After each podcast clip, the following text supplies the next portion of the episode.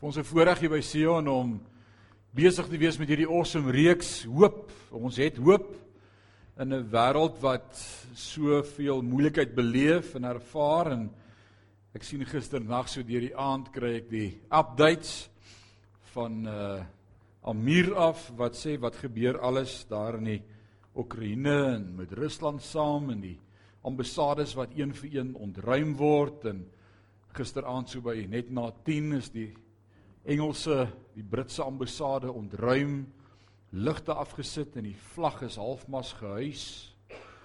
En so onttrek al die lande hulle burgers uit die Oekraïne uit.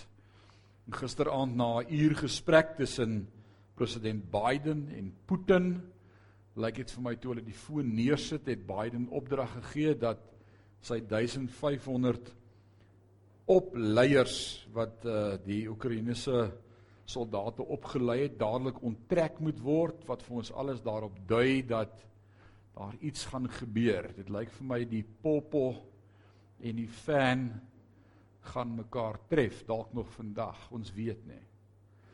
In te midde van alles wat om ons gebeur, met ons gebeur, in ons gebeur, weet ons as kinders van God dat alles ook vir ons gebeur en dat ons hoop het, dat ons 'n ewige hoop het. Ons hoop is in Jesus Christus. En as jou hoop in enigiets anders gaan wees in hierdie tye, as jy nou gehoop het vir 'n uh, beter pensioenvoordele of gehoop het dat jy gesonder gaan wees as wat jy is vandag of gehoop het dat jou vrou met jou gaan nice wees, as jy hoop in enigiets anders stel, gaan jy teleurgesteld wees. Maar God stel nie teleur nie. En sy woord staan vas tot in ewigheid. Kan iemand sê amen? Sy woord staan vas tot in ewigheid. So by Sion is ons besig met hierdie teks en hierdie reeks hierdie jaar en hierdie is ons skrif vir hierdie jaar waarmee ons gaan besig wees en dis die eerste keer wat ek oor een teks 'n jaar lank gaan preek en dit gaan hierdie teks wees Jesaja 40 vers 31 maar die wat hulle hoop op die Here stel sal hulle krag terugkry hulle vlieg hoog soos arende Hulle sal hardloop en nie moeg word nie, hulle sal loop en nooit vermoeid word nie. En vanmôre dan vir ons 4de reeks, 5de week in 'n ry praat ons oor hoop. En dan sê ons hierdie teks kan so lees as ek en jy hoop verstaan dat maar die wat met volkomme sekerheid die soewereine van genade van God ontvang het, die goeie nuus glo dat Christus vir sondaars gesterf het en hom vertrou vir die verskyning van Jesus Christus, die verlossing van ons liggame, die volëinding van ons geregtigheid, dat ons sal deel in die heerlikheid van God en dat ons die ewige lewe sal erf. Vir ons sal ons ons krag terugkry. Kan jy sê amen? So ek glo jy gaan jou krag terugkry. Uh sê vir die ou langs jou watch this space. Alrite. A better version of me it's on its way. Ons gaan uh Ons gaan ge-upgrade word. Ek sien Windows forceer ons nou in 'n nuwe update in en dan toets hulle al jou rekenaar se spesifikasies en se vermoëns en dan sê hulle vir jou daar's so 'n groen regmerkie of 'n rooi kruisie. Jy gaan dit maak of jy gaan nie. Wel ek het goeie nuus vir jou, jy gaan dit maak. Hier's 'n upgrade op pad. 'n Upgrade van die hart en van jou gesindheid. Alraight. So is daar vrug? Het hierdie hoop vrug in my en jou lewe? Ja, ons praat vir die afgelope 3 weke al oor die vrugte van hoop en die eerste vrug was Nee, wat was die eerste vrug? Blydskap. Sê saam met my blydskap. Onthou jy ek het vir jou gesê sê vir jou gesig daarvan blydskap? Daar's dit lyk sommer klaar beter. Blydskap. Toe sê een broer vir my, jy moet nie in die kerk vir my sê ek moet smile nie. Jy sê sulke groot hoë goeders wat ek moet onthou. Nou sê jy nog ek moet smile, dan gaan ek alles vergeet. So maar jy kan maar smile. Ons het blydskap in die Here. Die woord sê die krag van die Here is my sterkte, sy blydskap. Alraight. Dit ons laasweek gepraat oor liefde. Ons gesê liefde is 'n vrug van die Gees. Ek kan nie liefde in my lewe hê as die hoop nie in plek is nie, maar as die hoop in plek is, is daar liefde in my lewe. Ek kan nie anders as om liefde te hê nie. Ek moet lief hê. Dis 'n opdrag van die Here. Volgende week en jy moenie volgende week mis nie. Volgende week is veral vir almal van ons gaan ek praat oor uithou vermoë. Dink dis iets wat kort in die kerk van die Here Jesus Christus. In die begin van die jaar is die kerk vol en almal kom kerk toe en ons nuwejaarsvoornemens en dis te awesome maar hier na Februarie, Maart, April toe dan lyk dit of die herfs al vroeg gekom het en die blare begin afval het. Hier's 'n oop leemtes en gate. Nee, ons gaan uithou vermoë hê, ook in die gees geoefen. En vandag wil ek met jou praat oor die derde vrug, naamlik vrymoedigheid. Sê vir die ou langs jou vrymoedigheid. Nou wat beteken vrymoedigheid? En hoe werk vrymoedigheid? Want ek wil sê daar's 'n fyn lyn tussen vrymoedigheid en arrogansie. Ja, dis 'n groot woord, nou arrogansie. Gerda Neville is so lekker om julle hier te sien by Sion. Dis nie ons verste lidmaat nie. Hulle ry maar van drie riviere af, maar Flip en Renja ry Sondag van Kroonstad af. Parys toe. So dis hoe ver ons lidmate het wat in Sion gemeente is en dan het ons hierdie week dit te, uh, ons het te kenne geneem van 'n nuwe lidmate in Switserland wat ook nou deel is hier van Sion wat ons dan nou op 12 ander lande ook lidmate het. Kan jy dit glo dat ons hier vanuit die platte land Parys so bevoorreg is om mense oor die wêreld te bedien met die evangelie. So kom ons praat vanmôre dan oor vrymoedigheid. En die een teks wat ek gaan gebruik vanmôre is dit moet 2 wees. Wil jy hom nie net 'n 2 maak en hom dan terugsit nie? Grant asseblief. Dit gaan nou vir my pla. 2 Korintiërs 3 vers 12. As jy jou Bybel hier het, maak met my op by 2 Korintiërs 3 vers 12. En ons gaan daai teks saam lees. Ek lees vir jou uit die nuwe lewende vertaling. Onthou ons praat oor hoop en vanuit hoop het ons dan vanmôre die opdrag vir vrymoedigheid en ons gaan praat oor wat is hierdie vrymoedigheid. Paulus sê aan die gemeente in Korinte terwyl ons so 'n verwagting het. Nou dis dieselfde woord wat in die 33 53 vertaling gebruik word vir hoop. Ons het hoop. Ons het nou net vir mekaar gesê wat is hoop alles? Is hierdie klomp goed wat ons glo die werk wat God nog in ons gaan doen deur Christus en ons hoopvolle toekoms in Christus. Nou sê Paulus as ons so verwagting koester, sê saam met my koester. Met ander woorde, ek moet die hoop oordink. Ek moet konstant dink aan wat ek hoop. Dis nie net 'n pie in the sky nie. Dis nie net iets waarvoor ek wens nie. Dis iets waarop ek ingestel is en konstant dit oordink dag en nag. Wat is my hoop? Want as ek dit konstant daaroor dink, gaan ek blydskap hê, gaan ek liefde hê met ouens om my en gaan ek soos ons vanmôre gaan oor vrymoedigheid hê. Hy sê terwyl ons so verwagting koester, doen ons ons werk met groot vrymoedigheid. En dis iets wat ek en jy vanmôre vir mekaar gaan vra, is is daardie vrymoedigheid in ons harte? Jy kan duidelik sien hoekom ek dink dat vrymoedigheid 'n vrug is van hoop, want Paulus sê dat as gevolg van sy hoop het hy vrymoedigheid.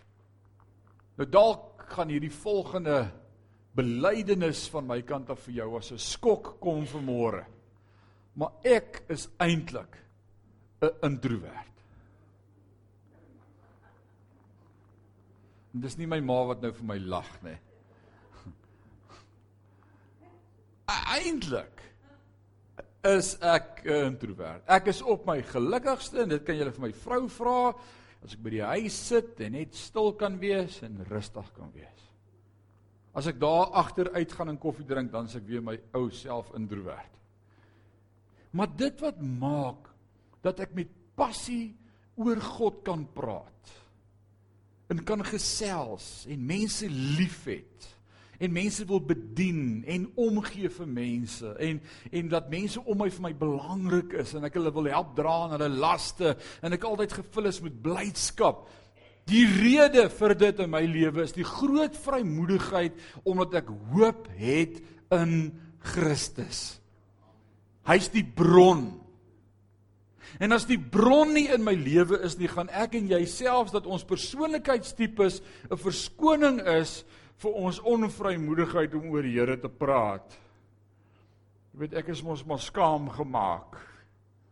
Ons gaan vanmôre sien wat Paulus se intensie is en sy bedoeling is met hierdie skrif en dan wil ek die verklaring maak reg aan die begin sommer om te sê Christelike hoop is die bron van vrymoedigheid. En dan wil ek sê daar's 'n verskil tussen om vrymoedigheid te hê en om arrogant te wees. Nee, wel. Daar's 'n verskil. So as jy nie met vrymoedigheid kan getuig nie, As jy nie in jou uitleef van geregtigheid met moed kan optree nie. As jy nie in jou spraak oop en reguit oor God kan praat nie. Kan dit dalk wees omdat jou hoop gebrekkig is in jou lewe. Omdat die fokus op hoop nie reg gelê is nie. En Paulus sê daar's 'n baie noue verhouding tussen die verwagting wat ons koester, die hoop wat ek het en om ons werk met groot vrymoedigheid te doen. Nou vers 12 van 1 Korintiërs 13 is in die middel van 'n baie moeilike hoofstuk vir ons gegee. As jy 2 Korintiërs 3 lees, gaan jy sien dis nie is nie 'n maklike teks nie. Daar's baie verwarring en vaagheid en en en daar kan baie onsekerheid wees uit hierdie teks uit vanmôre. Want dit kan jou met groot onsekerheid laat. Maar ons moet vanmôre vir mekaar vra, wat is die hoop waarvan Paulus praat? in vers 12. Wat is hierdie vrymoedigheid waarvan hy praat? En om hierdie twee vrae te beantwoord vanmôre, wat is die hoop waarvan hy praat en wat is die vrymoedigheid waarvan hy praat? Moet ons gaan kyk na die Ou Testamentiese agtergrond en ek wil jou vanmôre vat na twee beloftes uit die woord van die Here om vir jou die agtergrond te skets en dit kry ons vanmôre in Jeremia 31 as ook Esegiel 36. So blaai saam met my na Jeremia 31 toe vanaf vers 31 tot 33 en dan gaan ons Esegiel 36 ook saam lees en hoor wat sê die woord van die Here. Die Here sê: Die tyd kom dat ek weer 'n nuwe verbond met Israel en Juda sal sluit. Sê saam met my 'n nuwe verbond. Alraai. Ek dank God vir 'n nuwe verbond. Julle lyk baie opgewonde daaroor. So right, ons gaan aan. Hierdie verbond sal nie wees soos die een wat ek met hulle voorouers gesluit het nie. Ek het hulle destyds aan die hand gevat en uit Egipte uitgelei. Hulle het my verbond verbreek.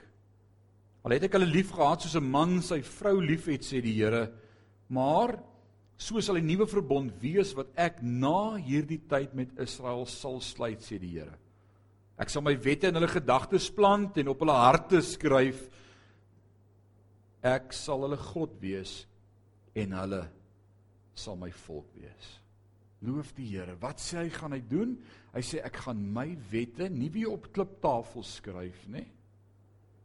Maar ek gaan iets nuuts doen. Ek gaan dit in hulle gedagtes gee en in hulle hart. So wat's die eerste agtergrond teks om vir my en vir jou 2 Korintiërs 3 te laat verstaan? Waar skryf God nou sy wet? Sê gedagtes en hart. Gedagtes en hart. En dan Jesegiel 36 vanaf vers 26 en 27. Ek gee julle 'n nuwe hart met die regte begeertes en 'n nuwe gees. Ek vat die ou hart van sonde weg en gee julle 'n nuwe gehoorsame hart. En ek gee my gees in julle sodat my voorskrifte sal gehoorsaam en doen wat ek beveel. Is dit nie awesome beloftes nie? Met ander woorde wat die woord van die Here sê, is die Ou Testament het beloof dat God eendag 'n nuwe verbond met sy mense sal maak en dit sal beter wees as die ou een wat hy op die berg Sinaï vir die volk gegee het Hierdie keer gaan hy dit deur sy Heilige Gees doen en dit gaan in die gedagtes en in die hart wees. Dis die belofte. Right? Nog 'n manier gesê is dat die ou verbond nie vergesel sal word of vergesel was met die uitstorting van die Heilige Gees nie, maar die nuwe verbond kom saam met die Heilige Gees en dis 'n blywende werk van God in ons lewe. Oor die algemeen het hulle harte van klip gehad en nie die gebooie gehou of onderhou nie. Maar 'n nuwe verbond sou God sy gees oor sy volk uitstort en hulle in sy gebooie laat wandel. So die nuwe verbond of die nuwe ding wat God doen met ons is deur die Heilige Gees in ons gedagtes, in ons harte. Die woord sê niemand sal meer vir sy broer hoef te sê, "Hey, jy doen sonde nie."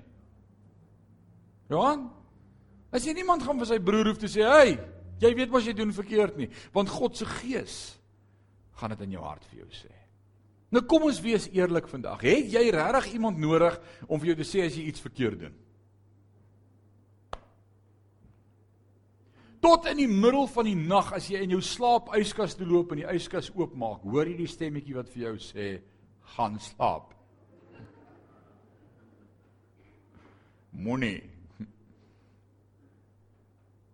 Moenie. Moet bely, ek het gister daai stem gehoor.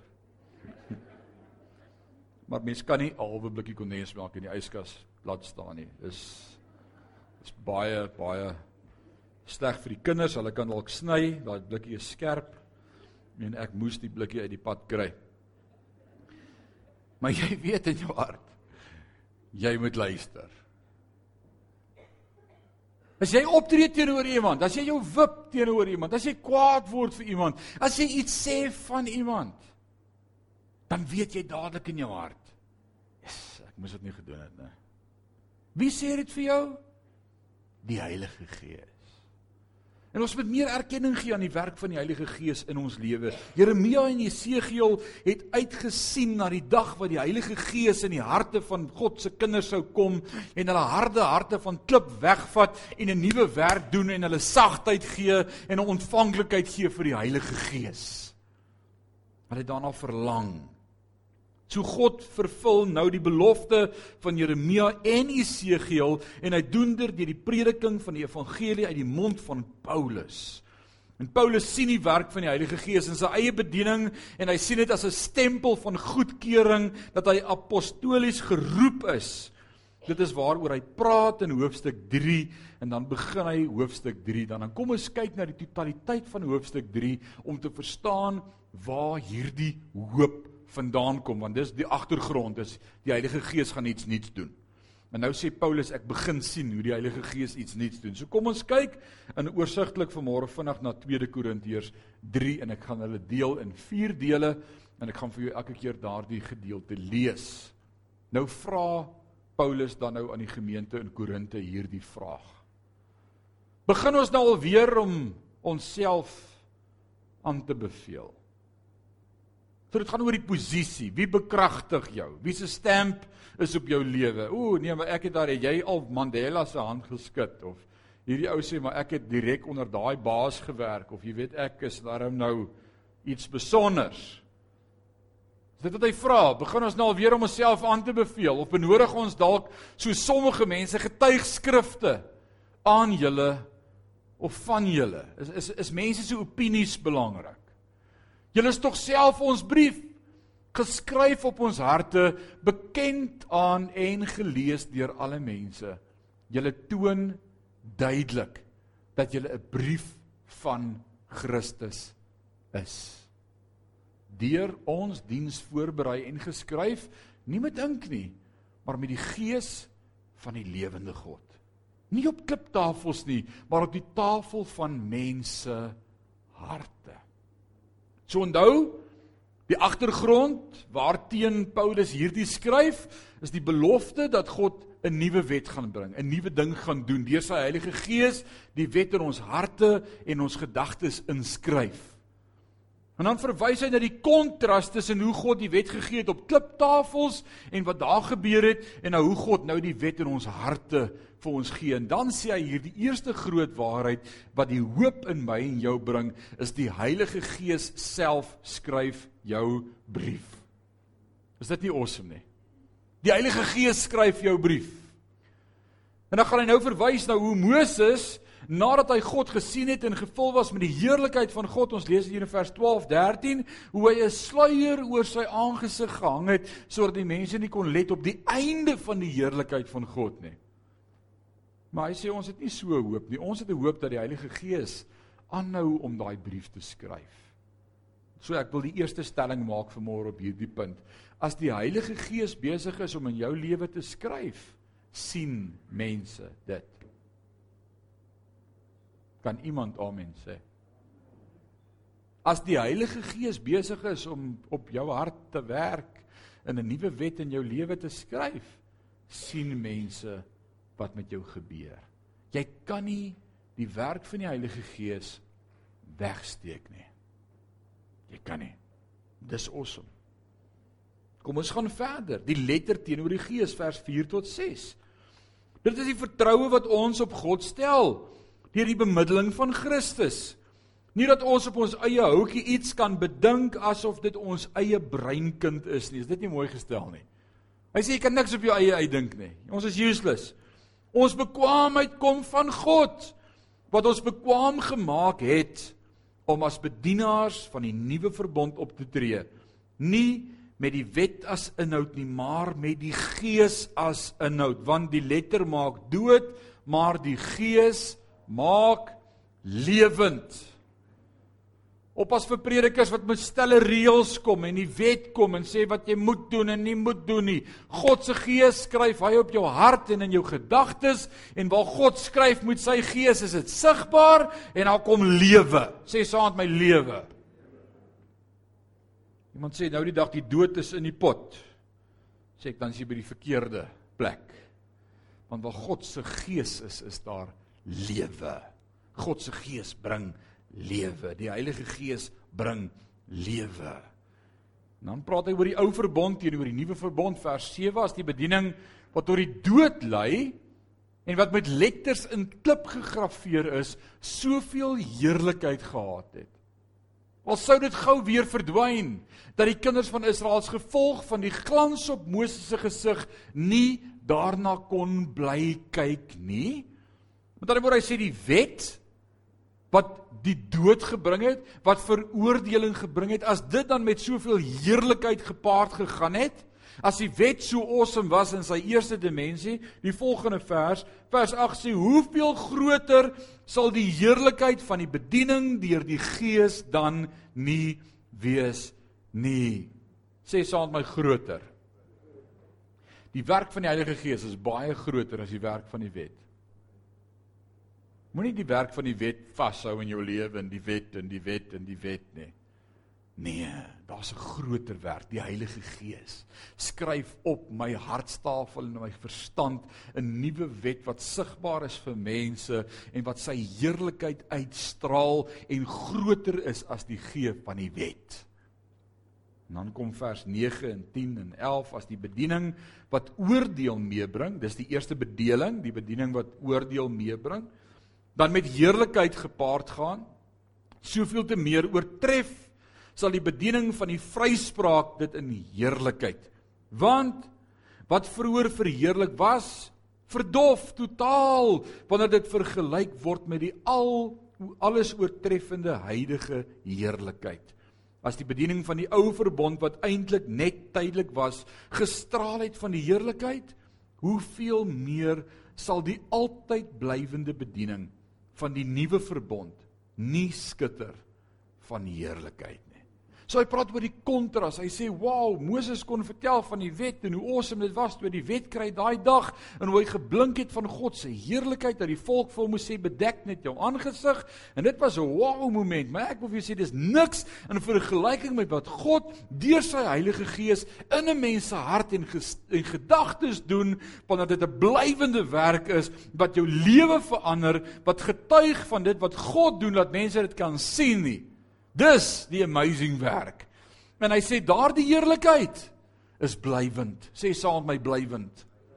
Met ander woorde, ek en jy moet oppas dat die vyand vir ons in die struik laat trap om te sê ons verloor ons blydskap in die Here.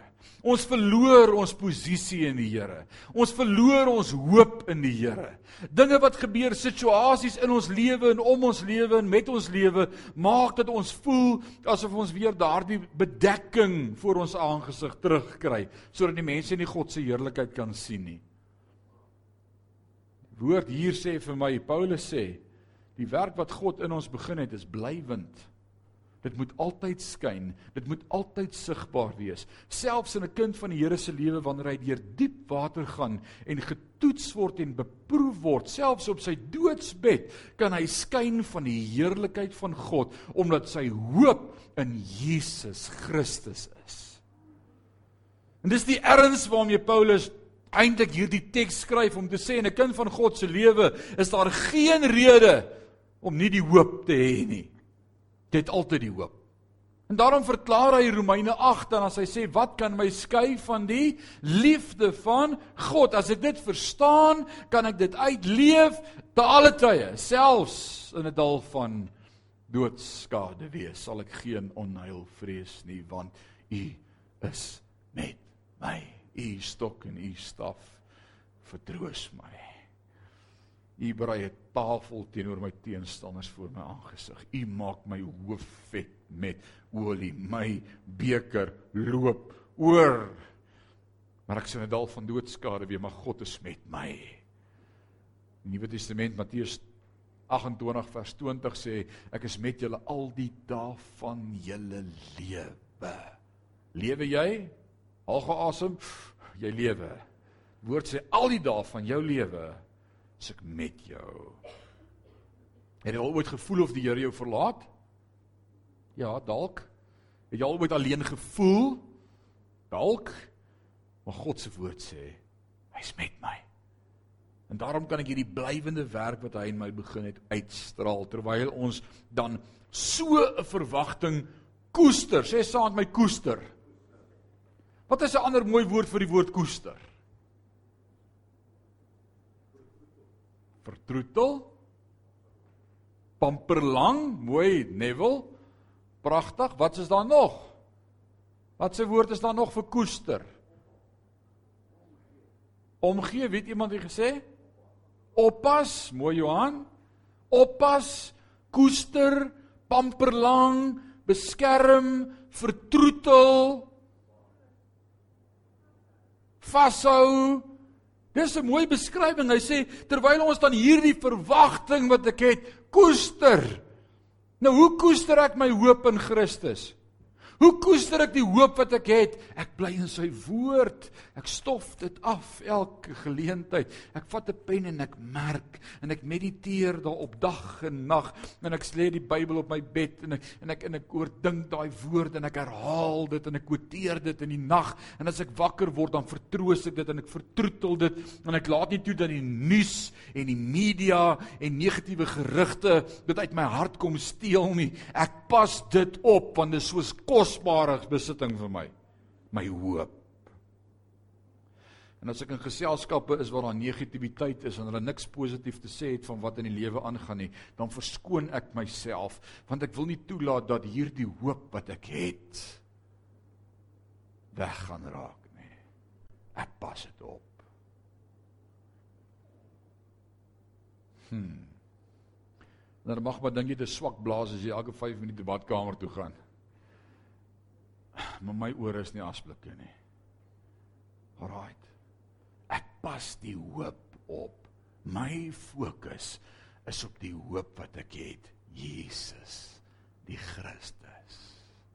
En dis wat hierdie teks sê. Paulus sê terwyl ons so 'n verwagting koester, oppas, vashou, pamper lang, doen ons ons werk met groot vrymoedigheid.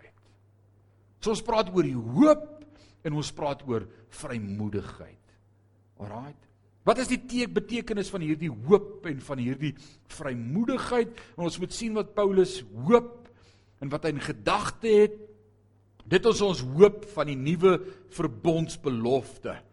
Dis die vertroue dat die soewereine gees van God in sy bediening is om harte van klip in harte van vlees te verander en lewe te gee en geregtigheid en permanent is aan elke mens. Dis wat hy God voor vertrou. Kan iemand sê amen? Dan kom ek herhaal dit. Is dit daar op die bord? Broer, jy moet maar volg saam met my want ek volg nie my eie preek nie.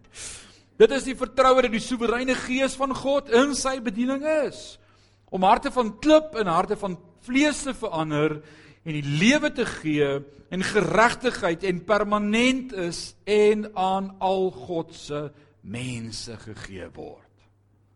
Dis die hoop. En Paulus sê omdat ek hierdie hoop het, is ek nie bang om die evangelie te verkondig nie. Het ek groot vrymoedigheid.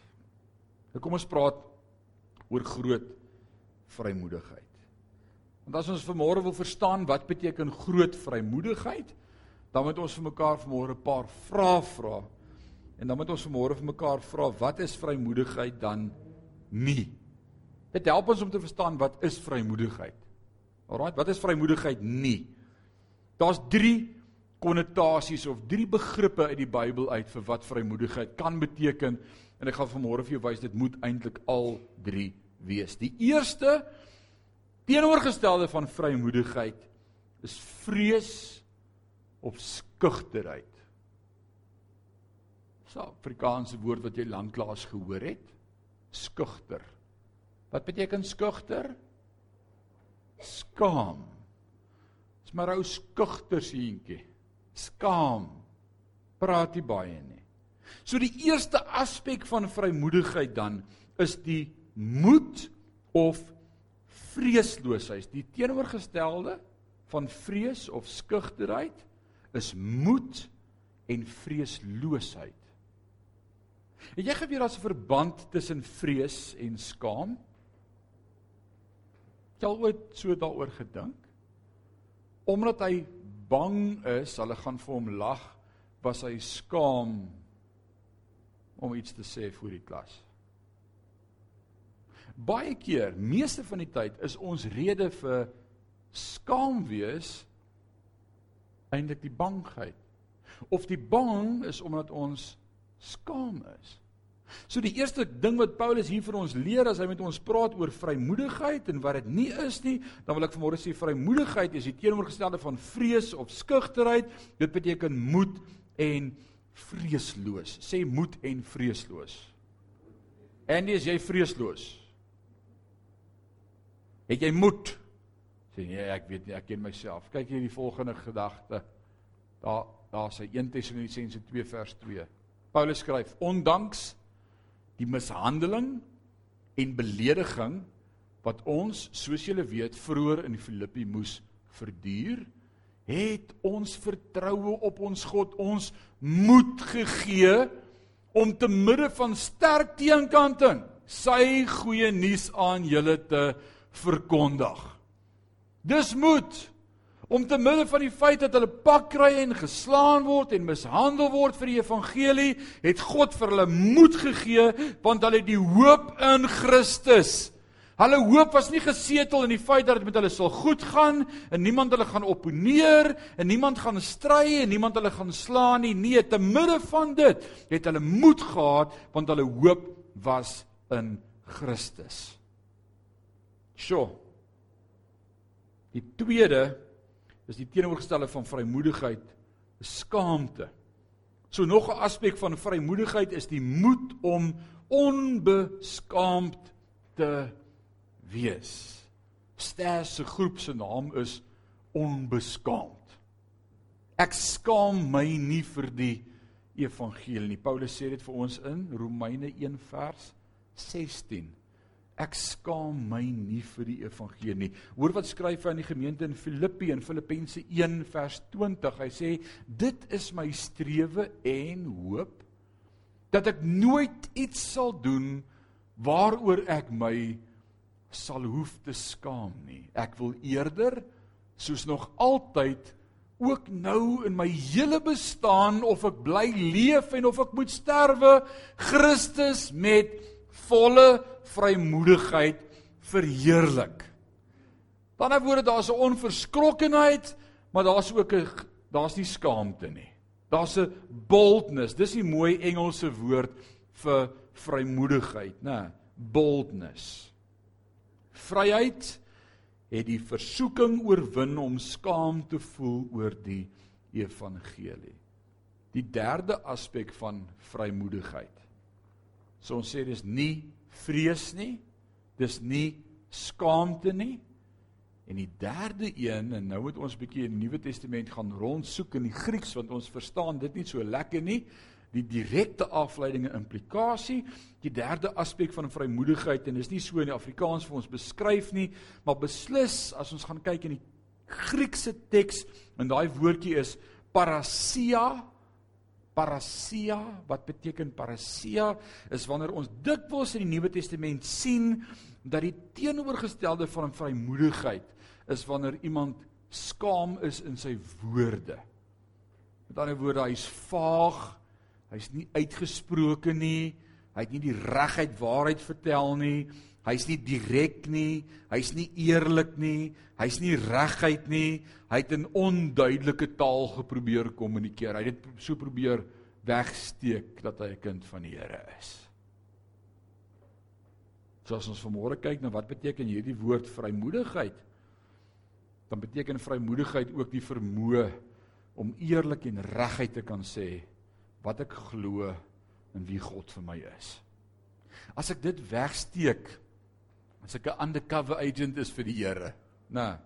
Dis so so stilletjies nie lekker praat oor die Here nie, jy weet. So uh, ek sê daarom hier en daar amen op iets, maar is jy ook 'n Christen? Ag nee nee, ek uh, uh, Dit laat my dink aan dieselfde gedagte wat Petrus se geval was daardie aand met Jesus se verraad toe hy die Here 3 keer verloon het kan jy dit onthou en dan kom die diensmeisietjie by Petrus en sy sê vir hom is jy nie een van Jesus se disippels nie en dan het hy aan sy woorde nie reguit en eerlik gekommunikeer met vrymoedigheid en gesê ek is 'n disipel nie. Hy het sy woorde vermom en en vloekwoorde ingesit sodat sy nie sou agterkom dat hy 'n disipel en 'n volgeling van Jesus is nie. Sien dis waar die gedagte in die Nuwe Testament vir ons gebore word. Wat sê jy? Hoe praat jy? So die vraag vir môre dan as jy wil weet of ek dan vrymoedig het, het of vrymoedig is en ek hoop ons elkeen gaan na vandag hier uitstap en sê omdat ek hoop het is ek vrymoediglik. Alraai. Beleef ek die vrymoedigheid in my lewe. So hoe weet ek as ek nie vrymoedigheid nie? Vanmôre moet ek vir jou vra, is jy skaam? Skaam jy jou vir die evangelie? As jy skaam om te sê ek is 'n happy clappy en ek sien Sion. Jy skaam om te sê jy kerk toe gegaan. Sê nee, ek het eers 'n paar ander besigheidsafsprake Sondag. Jy skaam dat jy kind van God is. Jy skaam om op te staan vir die evangelie. Die eerste vraag van môre wat my gaan help om te verstaan of ek dan vrymoedigheid het. Die tweede vraag is is jy bang?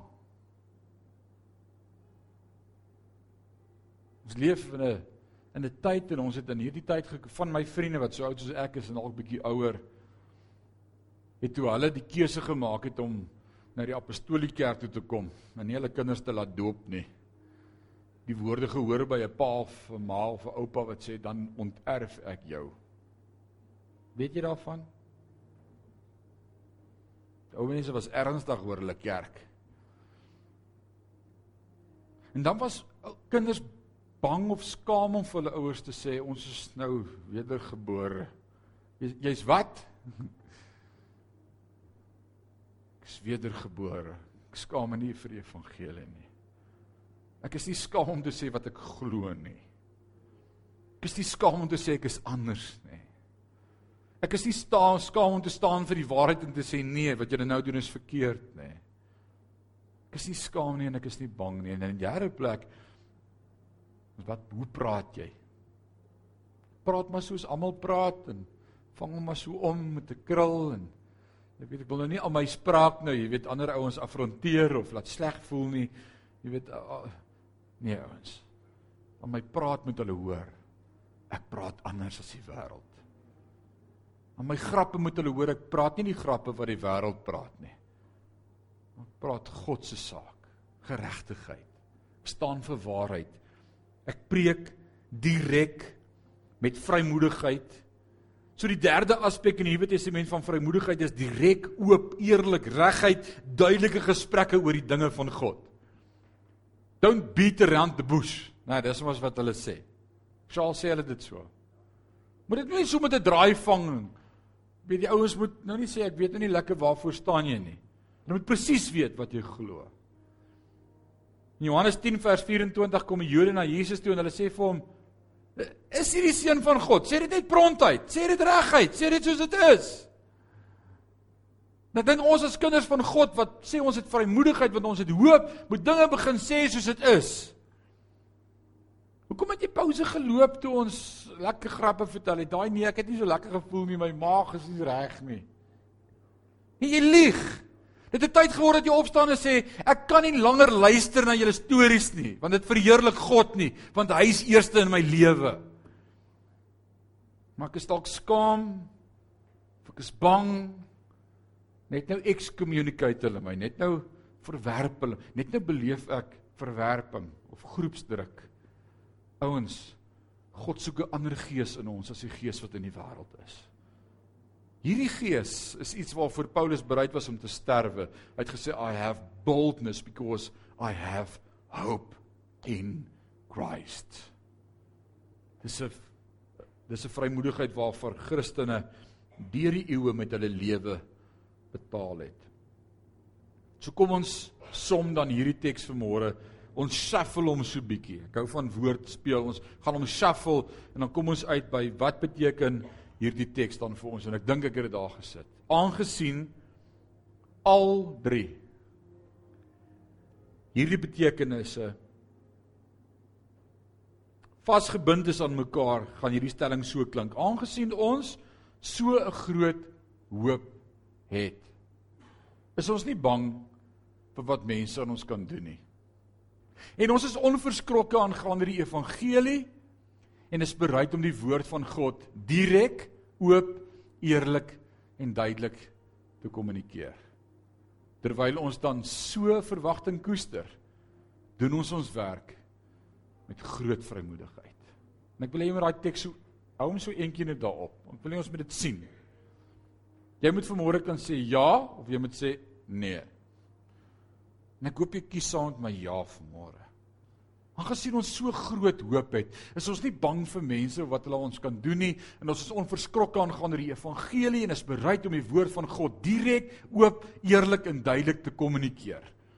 Terwyl ons dan so verwagting koester, doen ons ons werk met groot vrymoedigheid.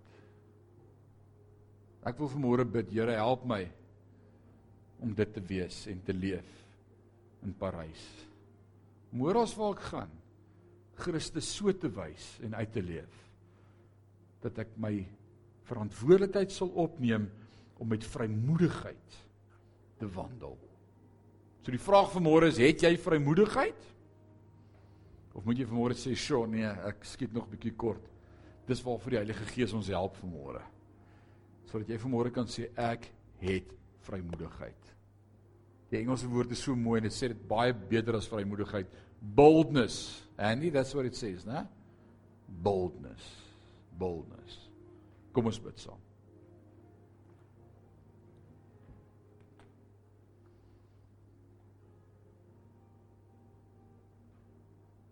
Gees van God. U wat ons harte ken en deursoek.